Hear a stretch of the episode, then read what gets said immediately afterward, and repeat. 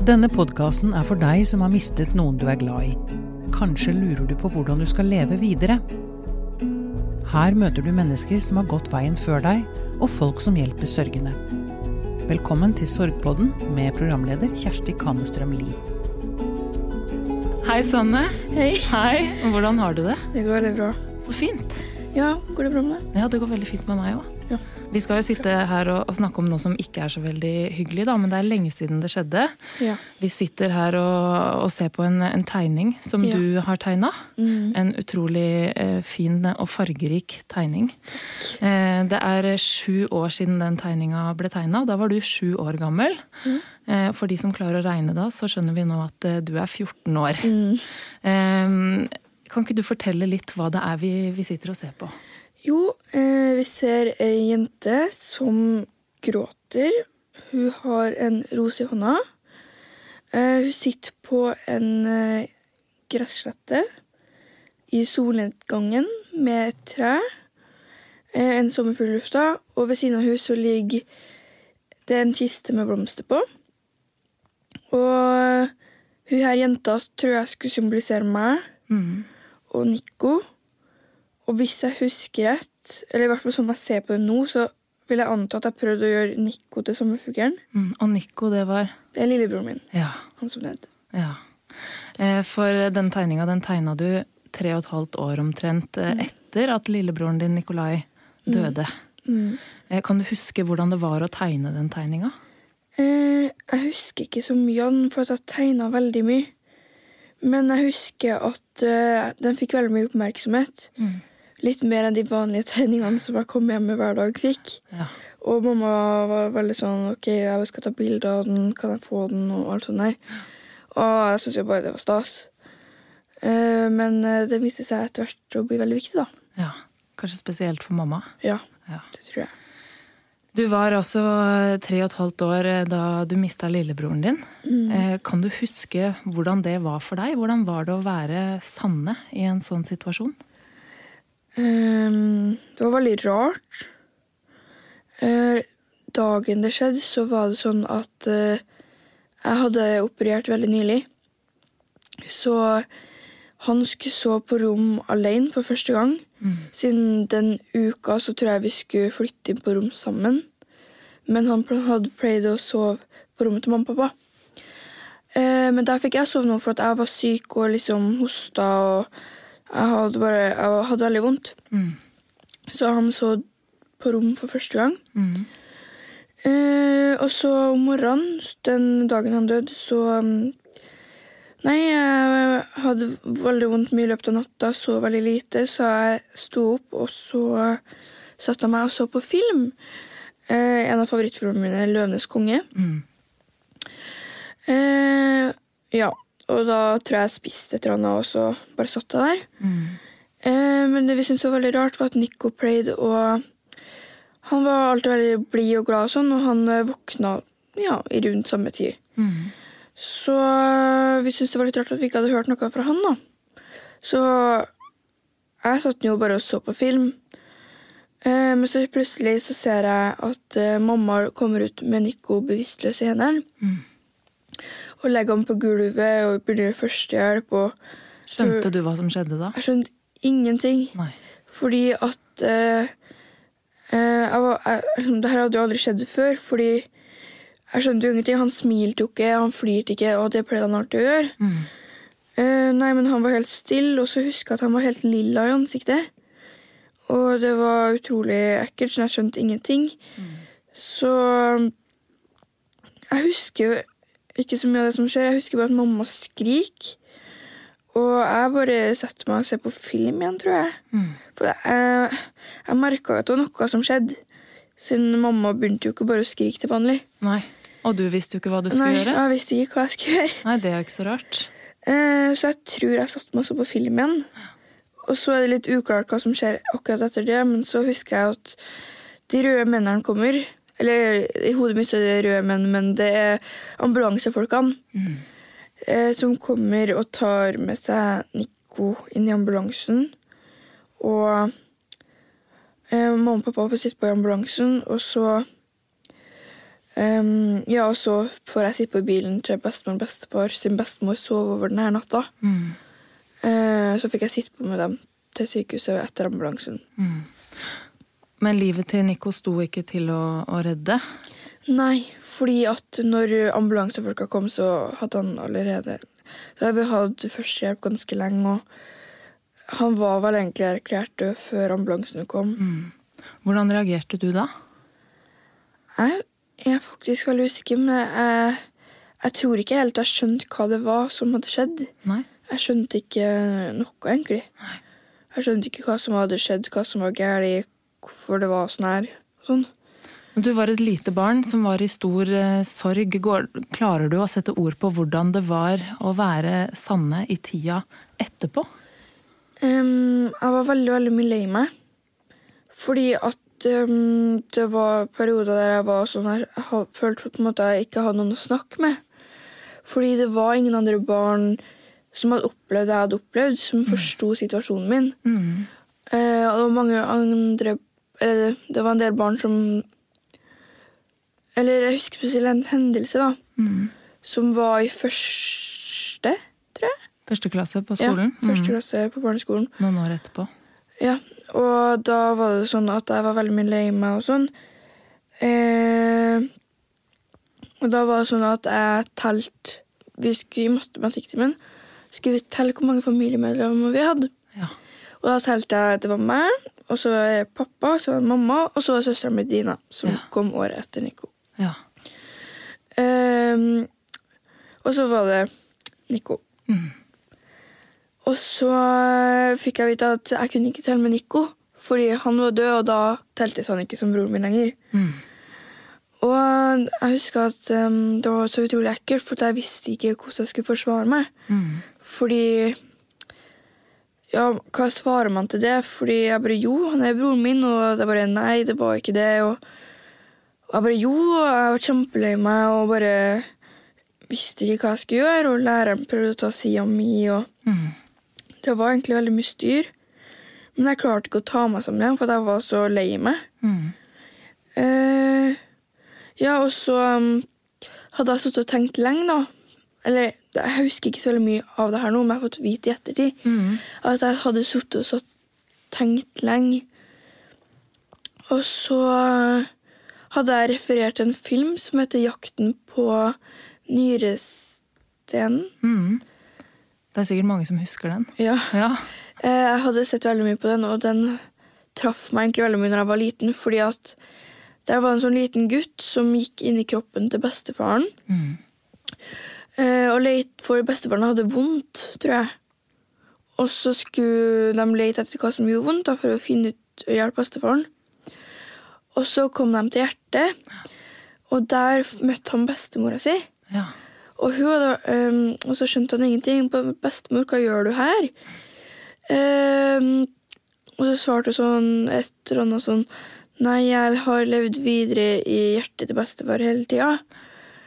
Og jeg bare sånn, ja, sånn er det til meg, og sånn Nico lever videre i hjertet mitt. Og liksom, jeg var kjempelei meg, jeg satt og gråt. Og mamma måtte bare komme og hente meg, egentlig. Mm. Eh, og så Hvordan endte hele den eh, situasjonen? Nei, det endte med at jeg, at jeg klarte ikke å ta meg sammen, så jeg måtte dra hjem. Så mamma kom og henta meg.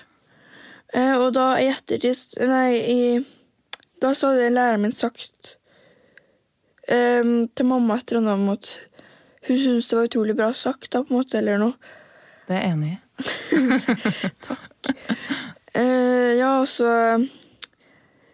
Ja, det har på en måte vært ganske vanskelig ettertid, for det er ingen som har skjønt situasjonen min. Og det er ikke så Det tar ikke bare to minutter for å klare situasjonen. Nei. Det er veldig mye å sette seg inn i.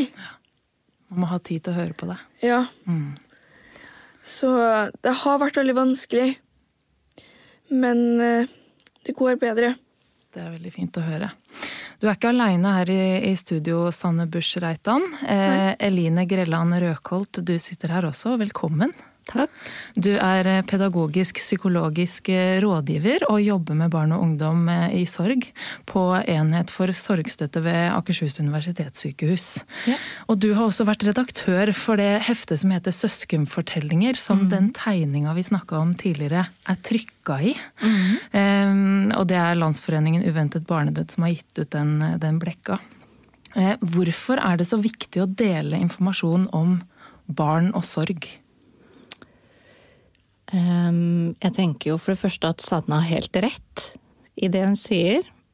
Når noen dør, så er det et liv som tar slutt, og ikke en relasjon. Mm. Så Sanne har en lillebror hele livet, men han lever ikke lenger. Og sånn er det. Så jeg tenker jo at hun prøvde jo som seksåring å si noe som hun har helt rett i. Mm. Og så fins det mye kunnskap om barn og sorg som begynner å bli litt gammel. Og ja. kunnskap om sorg også, som begynner å bli litt gammel. I gamle dager tenkte vi f.eks. at når en sorg var ferdig, da skulle vi glemme den som var død. Ja. Mens nå vet vi at en god sorgsprosess, den handler om å plassere den som man har mistet, i en relasjon inni seg selv som man kan leve videre med på en god måte. Mm. Og det er jo akkurat det Sanne har fortalt. Mm. Mm. Gjør barn det på samme måte som voksne? Det gjør barn på akkurat samme måte som voksne. Mm. Går det an å si noe om hva som er de vanligste reaksjonene hos barn, eh, hvis man sammenligner med voksne i en, i en uh, sorgsituasjon, sånn som f.eks. den Sanne var i da hun var tre og et halvt? Ja, altså jeg tenker at det som er forskjellen på voksne og små barn når en sånn krise oppstår, det er at vi voksne og ganske store barn, de kan reagere på krisens budskap. Foreldrene til Sanne skjønte umiddelbart hva som hadde skjedd. Mm. Det ville kanskje Sanne gjort hvis det hadde skjedd i dag også. Mm. Men når man er tre år, da reagerer man først på krisens konsekvenser. Ja. Det er når de røde mennene kommer inn i stua, det er når mm. mamma begynner å hyle. Det er når Nikolai er helt lilla i ansiktet. Mm. Det er når ting begynner å utarte seg, at små barn klarer å reagere. Mm. Sånn at de reagerer jo kanskje lengre ut i tid enn det de voksne gjør. Men hun forsto jo at noe fryktelig vanskelig var i ferd med å skje. Hun visste bare ikke hva hun skulle gjøre med det, eller hva det het. Mm. Så derfor så blir alle reaksjonene litt forsinket, og så gikk Sanne tilbake og så på TV. Mm. Mm. Men du sier at en del kunnskap vi har om barn i sorg er foreldet. Er det mm. sånn at vi fortsatt uh, i for stor grad bruker den foreldede kunnskapen på barn i dag, sånn at barn blir behandla feil? Jeg tenker i hvert fall at uh, veldig mange uh, forbinder det med sorg med at det skal være verst først, og så skal det bli bedre og bedre. Mm. Men Sanne forteller jo at en av de vondeste øyeblikkene var tre og et halvt år etterpå. Mm. Når noen forteller henne at hun ikke har en lillebror. Mm. Det er ikke verst først. Men det er mange vonde ting som kan oppstå i lang tid etterpå, det vet vi mye mer om i dag. At sorg det er en lang prosess hvor man på en måte pendler mellom det å være opptatt av den man har mistet, og det som har skjedd, og på det å være opptatt av vanlige ting og hvordan livet skal leves videre. Og det fortsetter opp gjennom hele barndommen, fordi Sanne skal forstå tapet av lillebror sånn som hun forsto det da hun var tre, når hun var seks, nå som 14-åring, mm. og kanskje vil det være en litt annen måte å forstå det på når hun blir 20. Mm.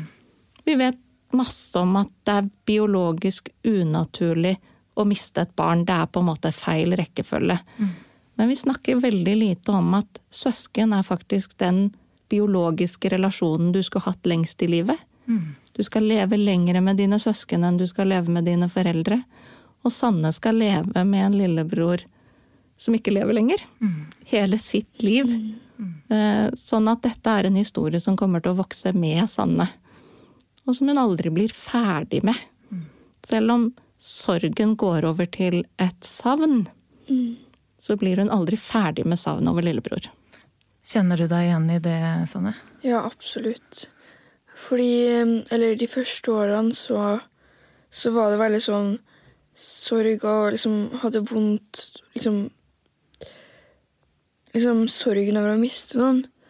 Og um, jeg er jo fortsatt kjempelei meg, og jeg kommer aldri til å være ferdig på en måte ordentlig med den sorgen.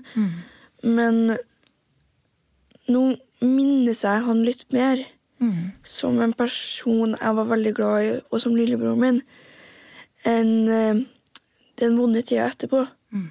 På hvilken måte minnes du han eh, i dag? Går det an å si noe om det? Ja, em, jeg minnes em, vi, vi, hadde, vi var veldig flinke med å ta videoer og bilder og sånn. Eh, så jeg har jo sett mye på videoene våre og sånn. Og et spesielt ting vi pleide å gjøre, var litt bare Nei, det ble mye rot. Det var helt fint. En spesiell ting jeg og han pleide å gjøre, var at vi pleide å synge Roro til fiskeskjær. Ja. Eh, som et veldig sterkt minne jeg husker veldig godt. Og en ting jeg klandrer meg fast på da, som et godt minne. Istedenfor um, det som skjedde etterpå. Så jeg vil vel definitivt si at det er bedre å minne enn å savne. savne. Men selvfølgelig så kommer jeg aldri til å slutte å savne han. Selvfølgelig ikke. Da du var eh, tre og et halvt år, da, da Nico døde, så gikk du jo i barnehagen. Hvordan var det å komme tilbake til barnehagen og vennene dine og de voksne der etter at dette hadde skjedd? Nei, jeg var vel veldig mye lei meg. Eh, og jeg tror jeg var ganske stille. Men samtidig så var jeg veldig flink med å si meningene mine hvis jeg hadde en mening. Eh, jeg husker faktisk ikke så mye av barnehagen. Det er vel små episoder her og der. Jeg husker jeg, veldig, jeg fikk i hvert fall veldig mye tegninger. Siden jeg var vel veldig mye hjemme fra skolen og barnehagen. da. Fordi at uh, det var så vanskelig. Uh, og da Jeg har faktisk de heftene fortsatt. Ja. Med alle de sånne tegningene nå. Det er utrolig koselig å se tilbake på. Opplevde du at de rundt deg, både de på din egen alder og de voksne, at de skjønte hvordan du hadde det inni deg? Ikke i det hele tatt. Nei? Fordi at eh, de Jeg føler Ok, Det blir veldig feil å si at de behandla meg feil, for man kan ikke det var, sånn, det var veldig mye blandede følelser, og jeg visste ikke helt hvordan jeg skulle reagere når folk spurte meg om ting. Jeg var veldig sårbar, på en måte. da. Jeg var veldig sånn Hvis det var én ting som ble tatt opp litt for tidlig, eller noe sånt, så kunne jeg ofte bare knekke sammen, liksom. Som førte til at jeg gikk til psykolog ganske mye i barndommen min. Mm. Og det har hjulpet meg veldig mye. Så jeg anbefaler alle å gå til psykolog. Eline Sanjo forteller jo f.eks. det at det ble stille i perioder, og jeg vet at det er veldig vanskelig å generalisere sorg også når det gjelder barn, men går det an å gi noen andre eksempler på reaksjoner som eh, kan være greit for voksne å vite om? Eller, eller andre større mm, eller jevnaldrende barn, for den saks skyld? Jeg tenker jo at det voksne forventer å se, er at barn er tydelig lei seg. Eller at barn er tydelig redde. Eller tydelig sinte. Og det kan det godt være at det er noen barn som er. Men så er det også sånn at sorg, det består av så mange vanskelige og fremmede og store følelser at for et barn så er det ikke sånn at de klarer å uttrykke det så veldig tydelig. Det blir mer som masse følelser som dammer seg opp i kroppen, og så må man tømme ut de i store og små porsjoner på noe som barna syns er meningsfullt og hverdagslig for seg selv. Sånn at noen barn kan gråte fordi strømpebuksa klør. Altså Man vil heller gråte for man har et gammelt sår på tommelen som man vil at noen skal trøste deg for, enn at noen er død. Fordi at det å gråte for at noen er død, det er så stort og abstrakt at det er bedre å gråte for noe trygt og lite og kjent. Så jeg tenker jo at barn Man må følge barn litt og kjenne de godt. Og så må man tenke hvordan er det dette barnet prøver å uttrykke alle disse store og vanskelige følelsene som kanskje ikke kommer ut i en klar tale om at jeg savner lillebroren min, eller jeg gråter fordi at lillebror er død. Men som kommer ut i at man ikke tåler f.eks. at det er vikar i barnehagen og en ny voksen der i dag. Fordi man trenger å være sammen med trygge voksne. Og da tenker jeg I barnehagen, nettopp de som jobber der, er jo de som er eh, ofte tettest på de små barna gjennom dagen. Eh, Opplever du at det er mye kunnskap blant folk som jobber så tett på barn? Om sorg? Jeg opplever i hvert fall at de som jobber i barnehagen er veldig opptatt av å være et trygt og godt sted for barn som sørger. Um, og så har de kanskje litt for høye forventninger til seg selv om hva det er å snakke om sorg med et så lite barn.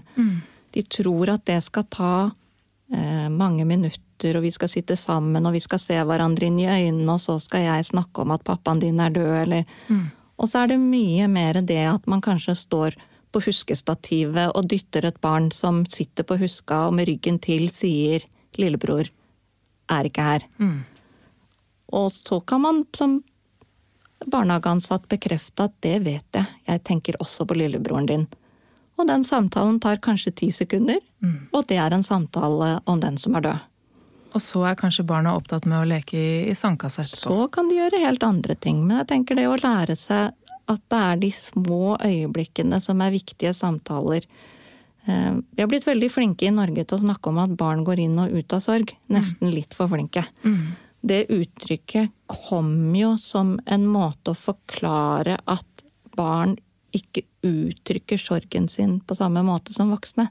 Voksne er gode, eller bedre enn barn, til å stå i vanskelige følelser over lang tid, eller sitte og prate om et tema i lang tid. Mens barn de kommer til å distrahere seg selv når de syns de har fått nok, og da går de og gjør noe annet. Men man kan ikke være ute av sorgen sin når man er barn. Man har den jo med seg hele tiden, man bare viser den ikke frem akkurat da. Så det er en av de på en måte gammeldagse måtene å snakke om barn i sorg? At de går inn og ut av sorg? I hvert fall hvis man tror at Hvis man skjønner at det å være ute av sorg var, var det man prøvde å forklare med at da viser de det ikke. Men hvis man tror at da har de ikke noen sorgfølelser, eller at de ikke blir slitne, eller at de ikke husker det, så, så er det feil. Eh, Og så tenker jeg at det får noen sånne forplantninger hvor hvis man tror at barn kan være ute av sorg, da kan man også tro at man kan si at skolen og barnehage kan Nei, her skal det være et fristed for barnet, her, her skal de få være ute av sorg. Men det kan jo ikke vi voksne bestemme. Det er jo bare barna som selv kan bestemme om de tenker på den som er borte på skolen eller i barnehagen eller ikke. Var det sånn for deg? Mm, jeg vil vel egentlig si at det er akkurat som du sier. At uh, det var sånne små ting som kunne gjøre at jeg liksom bare sprakk. For jeg vil egentlig bare beskrive meg sjøl som en tikkende bombe. For liksom bare Ja, hvis jeg liksom fikk et skrubbsår, så Eller så kunne jeg liksom grine i flere timer enn å egentlig forklare at det hadde en helt annen Det var egentlig en helt annen grunn til at jeg gråt. Eh, så liksom, det var bare sånne små hverdagslige ting som kunne gjøre at jeg ble veldig lei meg. Var det sånn da at du hadde lyst til å, å snakke om det når du ble lei deg? Var det det du ville fokusere på? Nei, eh, ikke som jeg husker. Jeg husker at jeg holdt veldig mye inni meg. Det var Jeg syns det var ganske vanskelig å snakke om. Eh, så Ja, det ble veldig vanskelig, så jeg gikk egentlig rundt og holdt alt inni meg. Så da gikk jeg heller og eksploderte litt på her og der enn eh, å snakke om det. Mm. Eline, hvordan kan man sørge for at barn slipper å, å holde det inni seg, i hvert fall hvis man ikke ønsker det sjøl? Eh, bør man fasilitere, eh, legge til rette for å snakke om den man har eh, mista? Man kan absolutt gjøre mange ting for å tilrettelegge. Jeg kaller det litt sånn å legge ut agn. Altså man kan legge ut en barnebok om følelser, f.eks. i barnehagen, og se om den er interessant å bli lest. Eller man kan eh, sette fram et eh, lekesykehus og se om noen vil leke med den.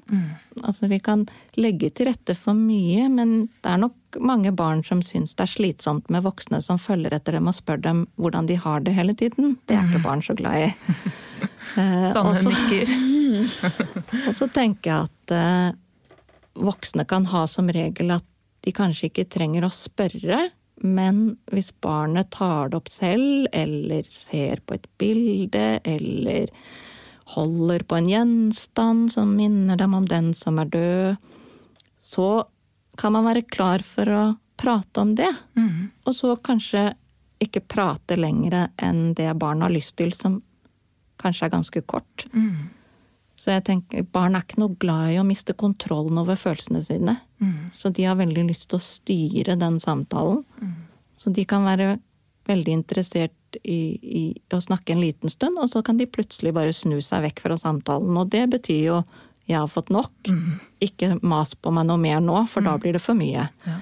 Eh, Så jeg tenker at det å være sånn sensitiv på hvert enkelt barn, hvem er du, hvor mye orker du, liker du best å se på bilder mer enn å snakke med ord? Eh, Syns du det er finere å leke og prate mens vi leker, eller syns du det er finere å sitte og tegne mens vi prater? Altså, og så er jo det å, det å virkelig snakke om det som har skjedd, sånn som for Sanna å snakke om det øyeblikket da lillebroren døde, og det som er ordentlig vanskelig, det er litt som å gå til tannlegen. Det er sunt, og så er det best når det er ferdig. Og kanskje skal det gjøres eh, ikke i barnehagen og ikke i klasserommet, men på et sted hvor man kan komme og snakke og få lukke døra og gå igjen. Og ikke snakke med sånne som meg resten av den dagen. Du snakka jo både med foreldrene dine og med en, en psykolog.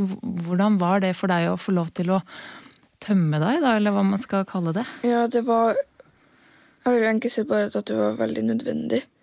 Fordi at um, Når man går til psykolog, så kjenner du ikke personen som den personen liksom, Du kjenner det ikke som om det hadde vært eh, faren til venninna di eller liksom en lærer eller noe.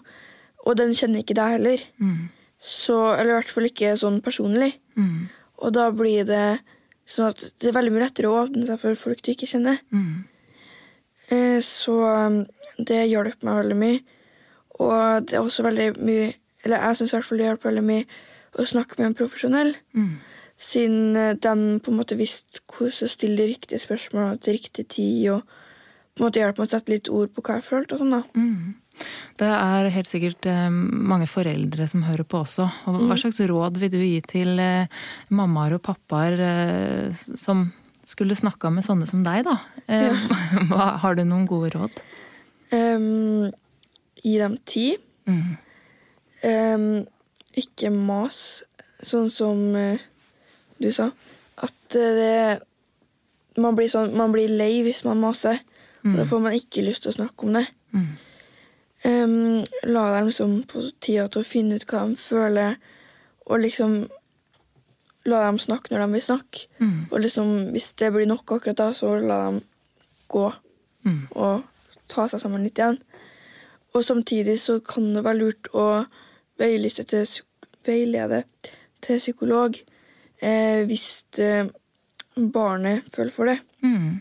Men det må ikke være mot ens vilje, fordi da har det ingen virkning. Det høres ut som du, Sanne, har, på mange måter fått lov å ta del eh, i den sorgprosessen som hele, hele familien din eh, gikk gjennom. Hvor viktig var det for deg å få lov å være med på den prosessen? Hvis du skjønner hva jeg mener? Det jeg egentlig har lyst til å spørre Eline om, nemlig er dette med at før i tida så var det ganske vanlig å tenke at man eh, skjerma eh, barn fra sorg. F.eks. At, eh, at ikke barn skulle være med i begravelser mm. og den type ting. Mens i dag er det nok mer vanlig å, å få lov å være med i den prosessen. Du kan jo få svare på det først, og så kan du Eline få lov å si noe mer om det. For meg har det vært veldig viktig å få lov til å være en del av denne prosessen, fordi at eh, han var jo like stor del av livet mitt som det var til foreldrene mine. Mm. Og jeg vil egentlig si at kanskje av og til at det var mer av lille mitt òg, fordi at han var en så stor del.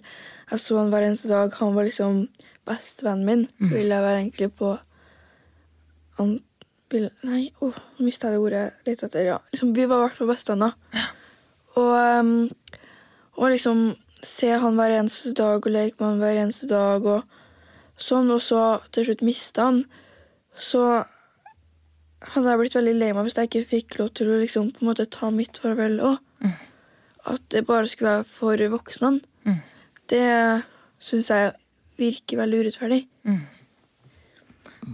Eline, hva tenker du? det handler jo egentlig om å spørre seg hva er omsorg?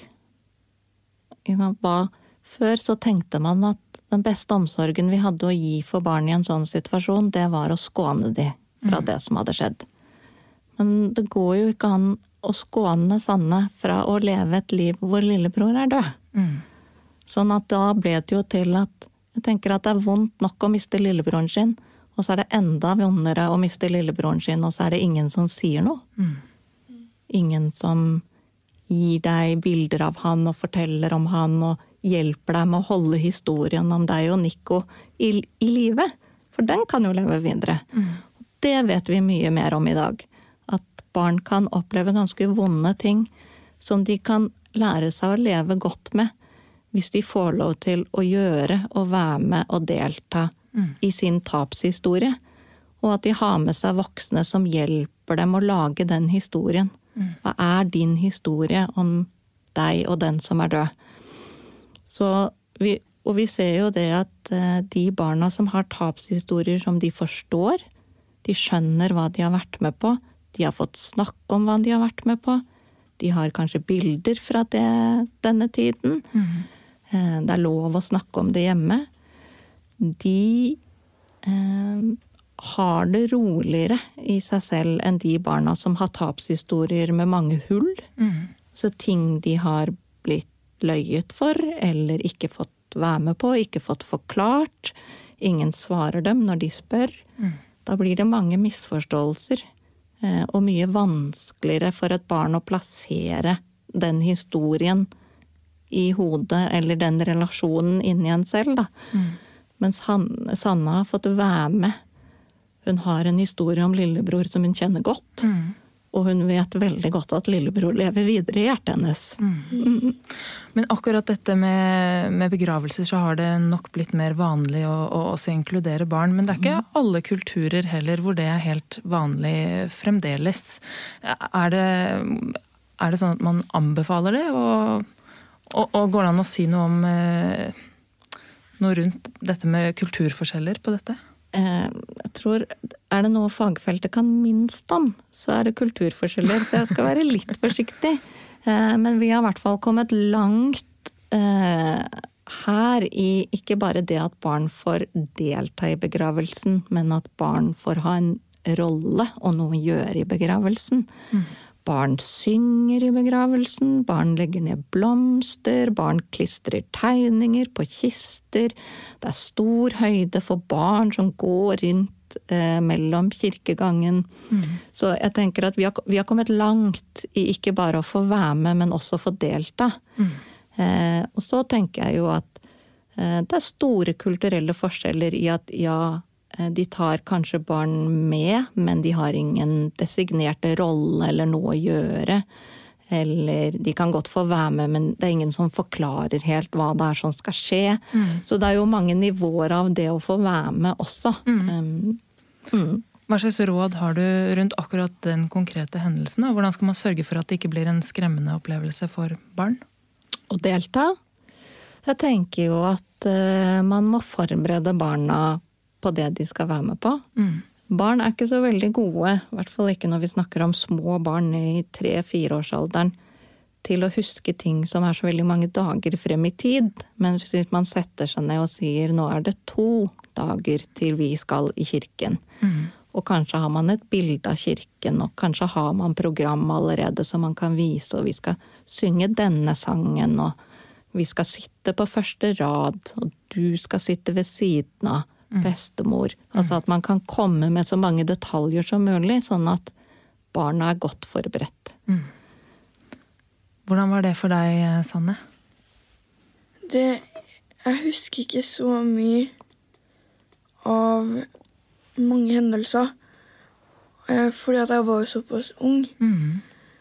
Eh, Og det, jeg tror det er litt sånn at hvis du spør noen som er 15-14 nå, og spør sånn Ja, hva gjorde Husker du noe spesielt når du var tre år? Jeg husker ingenting fra jeg var Ja. tre år. Ikke sant? Um, Men jeg husker jo selvfølgelig sånne små klipp i hodet mitt. på en måte. Mm. Og fått gjenfortalt sikkert en del også. Ja. Mm. Og så tenker jeg at det viktigste for Sanne blir at historien er at hun fikk være med. Mm. For det gjør ingenting at man ikke husker så mye av det som skjedde. Men det viktigste for henne er at historien heter ikke at Sanne var hos naboen mens de andre var i begravelsen. Historien er at Sanne var med. Og, og det er nok. Man trenger ikke å huske alle detaljene for å føle at det var viktig at man fikk være med. Det var veldig viktig for meg å få være med. Mm. For jeg, jeg husker kista. Mm. Jeg husker veldig store og fine blomster. Og det er den du har tegna på tegninga vi har foran oss også. Ja. ja. Eline, du har eh, også en tapshistorie. Eh, du mista lillebroren din Atle i krybbedød. Mm. du var ungdom da dette skjedde. Du var 13 år. Ja. Um, og dette skjedde da i 1987, så det er jo en del år siden. Det er 30 år år Det er siden. 30 år siden. Um, Men jeg tenker, med den erfaringa du har uh, å miste noen som ungdom, så tenker jeg også nå fordi Sanne er ungdom. Uh, Går det an å si noe litt generelt om forskjellen på å oppleve sorg som ungdom og barn? Hvordan er forskjellen Jeg tenker jo Altså, likheten er jo at også 13-14-åringer kan være fryktelig forvirret på hva det er de skal gjøre, og hvordan det er de skal vise sorgen sin. 13-14-åringer eh, som ikke har opplevd vanskelige ting før, de, de har ikke noe begreper om hvordan det skal gjøres. Så de stiller like på en måte uforberedt inn i det som yngre barn. Eh, Men én forskjell er at vi vet i hvert fall mye om at ungdommer eh, tar seg veldig sammen for å ikke vise andre hvordan de har det. Eh, De er nok ikke like gode på å bryte ut, sånn som Sanne har fortalt at hun gjorde. De forteller heller historier om at de holder seg masse i aktivitet for å holde de vonde tankene unna. De klarer nesten ikke å være i ro. Eh, Eller at de ikke vil snakke om det som har skjedd på skolen, for de vil ikke bli sett på som et offer. De vil ikke være den som andre skal synes synd på. De vil ikke ha noe oppmerksomhet. Og så blir det veldig ensomt og veldig vanskelig. Jeg vet at det er litt ting du kjenner deg igjen nå, Sanne, selv om det har gått mange år siden mm. du mista broren din. Absolutt. Fordi det er vel ikke bare på skolen. Det er vel sånn generelt Når jeg møter nye folk og sånn, så er ikke det historien min med at jeg har mista lillebroren min, det første jeg sier. Mm. Ikke fordi jeg er noe flau eller liksom ikke vil dele den, men fordi at jeg har ikke lyst til at historien skal definere meg som person. Jeg vil ikke ha sympati og medfølelse. Jeg vil at jeg skal bli sett på og liksom bedømt som personen som jeg er, ikke som hun som mista lillebroren sin. Men, og da er ofte det at man ikke har lyst til å fortelle på offentlige steder. Men heller litt sånn privat og sånn. Men ikke at jeg har noe imot å fortelle historien min. Det er bare Det er ikke det første jeg introduserer meg som. Det er kanskje ikke så veldig rart at ikke det er det første man har lyst til å fortelle? Nei, og for det første så må man øve litt. For eh, det er ikke så lett å vite hva skal jeg svare når noen spør. Hvor mange søsken har du? Det, oh. det syns jeg fortsatt er veldig vanskelig. Mm. Fordi at jeg vet at han er broren min, Mm. men samtidig så blir det veldig vanskelig å svare på. Du får en litt lang fortelling som Det blir en veldig lang Mm. fortelling, og så blir det som regel ekstremt mange oppfølgingsspørsmål. Ikke sant? Og, øh, som, og jeg vet at det er mange som lurer på ting, da. Som de kanskje føler de ikke kan spørre om fordi mm, det blir som regel oppfølgingsspørsmål, eller at de kanskje føler at de forstyrrer privatlivet mitt, eller ikke tør å spørre. Eh, og det er ikke det at jeg ikke vil svare på det, det er bare at det blir en veldig, veldig lang fortelling. Det er ikke sikkert man har lyst til å ta den fortellingen på en vanlig hverdag på bussen med andre rundt, og da blir det jo til at man, man må finne et eller annet svar som man kan stå ved selv. Ikke sant? At, at bare si for eksempel at jeg har to søsken uten å forklare noe mer, eller Men dette her grubler eh, barn og ungdom ganske mye på. Hva skal jeg, spi, hva skal jeg si når jeg blir spurt? Eh, Så det øver rett og slett på eh, når vi snakker med barn og ungdom i sorg. Hvordan øver man på det? Nei, vi hjelper dem å si hva, hva sier du til dine aller beste venner, f.eks. Det er den lange historien, sånn som Sanne sier, hvor du svarer på alle spørsmålene. Og så kan du øve deg på å ha en kort historie som, som er 'jeg har to søsken', eller som er 'jeg har en lillebror, men han er død', men det har jeg ikke tid til å forklare nå. Mm. Sånn at du kan lære deg en sånn setning som gjør at du kommer deg litt unna noen sånne situasjoner. Mm. Um, så, så, så, det kan vi øve på. Og så tenker jeg at veldig mange ungdom blir litt skuffa over at vennene deres ikke forstår hvordan de har det mm. når de sørger. Eh, så vi snakker en del om at venner er kanskje noe man kan mest bruke til litt sånn distraksjon. Til å gjøre andre ting, til å gå ut og finne på noe hyggelig. For selv om man sørger, så må man jo sette én fot foran den andre. Mm. Vi må ut i dag òg. Mm. Eh, og man må på kino, og man må gjøre noen vanlige ting, eller i hvert fall prøve. Så, så vi snakker litt med dem om at kanskje kan man bruke vennene sine til det, og så kan man um, tenker at Man kan ikke forvente at alle rundt en forstår, men hvis man har én som forstår, enten én god venn eller én veldig hyggelig lærer eller en psykolog. Mm. Eller en som jobber i en sorggruppe. Én er nok. Mm. Mm. I dag ble det den lange historien, da, Sanne. Det går veldig bra. Hvordan var det å fortelle det? Eh, det går veldig bra å fortelle. Det er selvfølgelig veldig vondt å fortelle det, siden det er en veldig vond historie. Mm. Men eh, det går veldig bra. Mm. Men samtidig som du sier, at eh, jeg syns det er hvert fall fra mitt perspektiv så syns jeg det var veldig viktig å fortelle om historien min, mm. og ikke holde alt inni meg. Eh, og faktisk her om dagen så fikk jeg et veldig godt eksempel på en måte å forklare det på. Eh, og tenk deg at du, du, går hjem fra butikken, og så har du kjøpt deg ti liter, eller ti, en og en halv liter brus. Mm. Det blir veldig tungt på å gå og bære. Mm. Men hvis det kommer én venn da, og hjelper deg å bære to av de her flaskene, så blir det veldig mye lettere. Det blir selvfølgelig fortsatt tungt, men da ikke like tungt mm. som da har du en venn å dele de her flaskene med. Mm. Og så kanskje kommer enda en venn igjen og tar to flasker, og så enda en venn igjen. Og da sitter, står det kanskje en med bare to flasker. Mm. Og da blir det veldig mye enklere. Med det utrolig smarte og fine eksempelet så tror jeg vi sier tusen takk for at du kom hit, Sanne Busch Reitan. Takk for at du kom. Tusen takk eh, for at du også kom hit, Eline Grelland Røkholt, som altså er pedagogisk psykologisk rådgiver. Sorgpodden er produsert av Tid og Lyst for Landsforeningen uventet barnedød, med støtte fra stiftelsen DAM.